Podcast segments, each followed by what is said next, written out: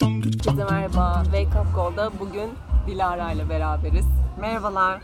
Dilara ile bugün e, toplumumuzda çok fazla söz konusu olan bir e, değer yargısından bahsetmek istiyorum. El alem ne der? evet, ne düşünüyorsun Dilara bununla ilgili?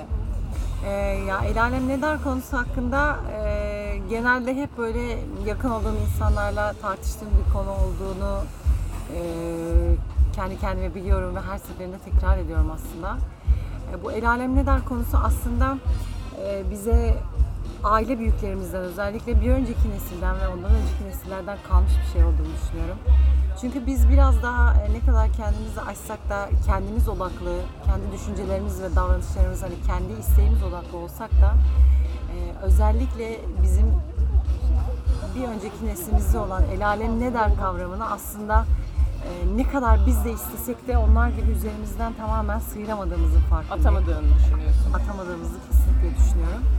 Yani sen mesela bu konuda bence bana göre daha e, özgür ve daha e, el alem neler diye düşünmeden hareket ediyorsun. Ama benim üzerimde hala ne kadar işte sen gibi ya da çevremizde tanıdığımız e, bir takım örnek aldığımız arkadaşlar gibi olsun. Olmak istesek de benim üzerimden sıyıramadığım bu el alem ne der kavramı e, genelde hep üzerime yapışık bir şekilde duruyor. Peki şöyle yapalım. Bizde izleyen insanların e, burada seninle etkileşime geçebilmesi için e, hayatının e, hangi yönlerinde el alem nederin seni ele geçirdiğini hissettiğin oluyor? Onlardan örnekleyebilir misin bizim için? Tabii ki. Eee, herhangi bir yere gittiğimizde bir kere nasıl giyinmemiz konusunda el alem ne der, açık mı der, basit mi giyinmişler, hafif kadın mı der birçok şey düşünüyorsunuz. Onun dışında toplum içinde istediğiniz gibi gülerken, kahkaha atarken özellikle bir kadın olarak e, öyle mi görünüyorum, böyle mi görünüyorum, dışarıya acaba şu mesajımı veriyorum, ne düşünüyorlar diye düşünüyorsunuz. Aramızda e, bu, bu şekilde düşünen çok fazla hemcinsimiz var. Ben de bunun farkındayım. E, bu sıkıntıyı çok fazla yaşayan insan var. Değil mi? Kesinlikle. Anladım. Peki.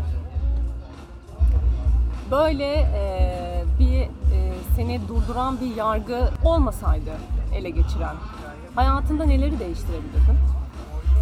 Hayatımda neler değiştirebildim? Bir kere istediğim gibi gülmek istiyorsam gülerdim, istediğim gibi giyinirdim, küfretmek istiyorsam istediğim gibi küfrederdim. İnsanların içinde daha özgür davranırdım. Bunu Bir kadının küfretmesi sence e, nasıl karşılanıyor? ya bunu bu aslında toplumda tamamen kötü karşılanıyor diyemem. Kimine sempatik geliyor ama çoğunlukla e, bir kadının küfretmesi e, yakışıksız bir şey olarak düşünüyor. Aslında ya biz de erkekler gibi bir insanız ve sinirlendiğimizde deşarj olmak için e, küfretmeye ihtiyacımız var kesinlikle.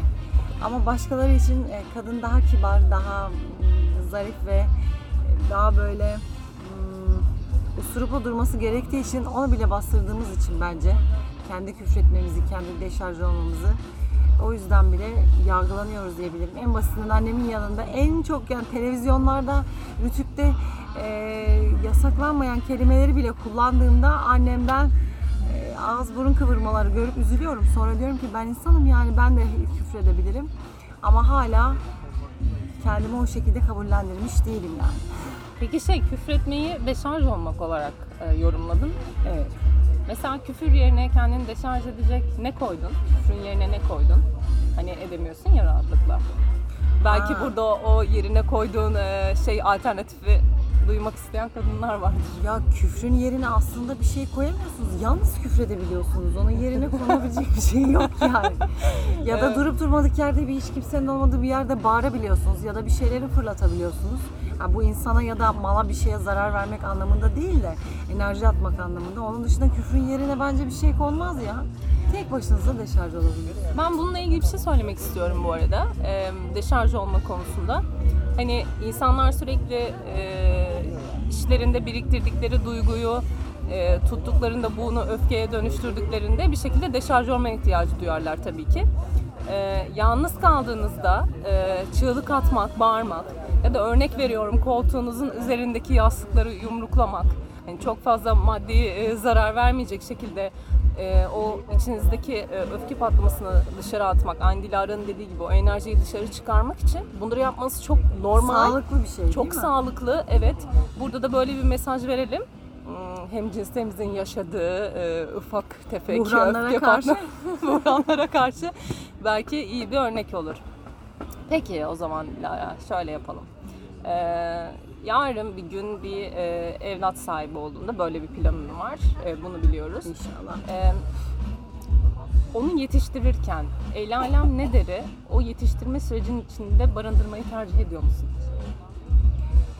Şöyle asla onu barındırmayı tercih etmiyorum ama çocuğuma gelebilecek bir zarara karşı yani onun toplum tarafından dışlanılması ya da insanlar tarafından yanlış anlaşılmasını minimuma indirmeyi istiyorum. Ama bu demek değil ki çocuğumu biri eee, işte oturup kalkması konusunda nasıl davranması gerektiği konusunda uyarabilir. Hayır uyaramaz. O konuda gereken cevabı annesi olarak benden alır. Ee, ve onun için ne, hangisinin iyi olduğunu bence ben karar verebilirim. Yani asla bu konuda çocuğumu o böyle dedi böyle yapayım o zaman bu, bu insan böyle bir uyarıda bulundu böyle yapayım diye değil de e, benim için doğru olan hani insanlara zarar vermeyecek etik olarak e, maneviyat olarak doğru olan şeyleri uygulamaya devam ederim.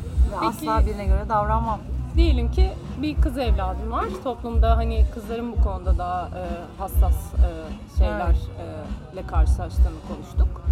E, kendisi için en iyinin ne olduğuna kendisi karar verse nasıl olur? Kendisi karar verecek zaten. Ben sadece onun için yolları göstereceğim. Yani böyle bir yol var, böyle bir yol var ya da o yolu seçtiğinde ne gibi olasılıklar olabileceğini anlatacağım. Seni seçmediğin yolu denerse Benim seçmediğim yolu denerse ya bunun için bir şey yapamam. Yapmaya çalışırım belki içgüdüsel olarak ama ya bir şey yapabileceğimi zannetmiyorum. O gene zaten ben engellesem de ben istemesem de e, tam tersini düşünsem de o yapacaktır. Peki o zaman senden şöyle bir şey rica edeceğim. Burada kız evladı olan annelerimize e, böyle bir e, şeyle karşılaştıklarında o annenin kendi tercihi olmayan yolları seçen bir kızları olduğunda ve bu deneyimi paylaşıp gelip annelerine söylediğinde annelerinin ona nasıl onlara nasıl yaklaşmaları gerektiğine dair bir şeyler söylemek ister misin? Örnek veriyorum ben senin kızının mesela ve senin gerçekten hiç tasvip etmediğin bir e, yolu seçtim bir konuda ve gelip seninle bu deneyimi paylaştım.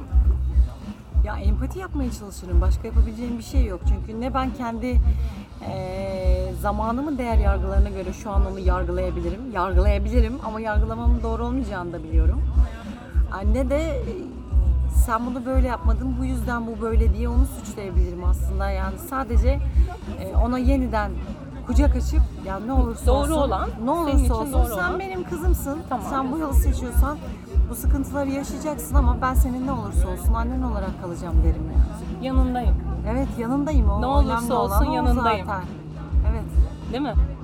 Bence harika bir şekilde bitiriyoruz. Ben de e, çok e, sevdiğim bir e, slogandır. Hatta mottodur. Ne olursa olsun yanındayım. E, demek ebeveynlerin çocuklarıyla kuracakları bağ için harika bir öneri. Değil mi? Evet. Çok teşekkür ediyorum Dilara. Ben teşekkür çok ederim. güzel bir sohbetti. Umarım birilerine fikir olmuşuzdur. Evet. O zaman e, herkese harika bir gün diliyoruz. Görüşmek üzere tekrardan. Görüşmek üzere. Hoşçakalın. Dum dum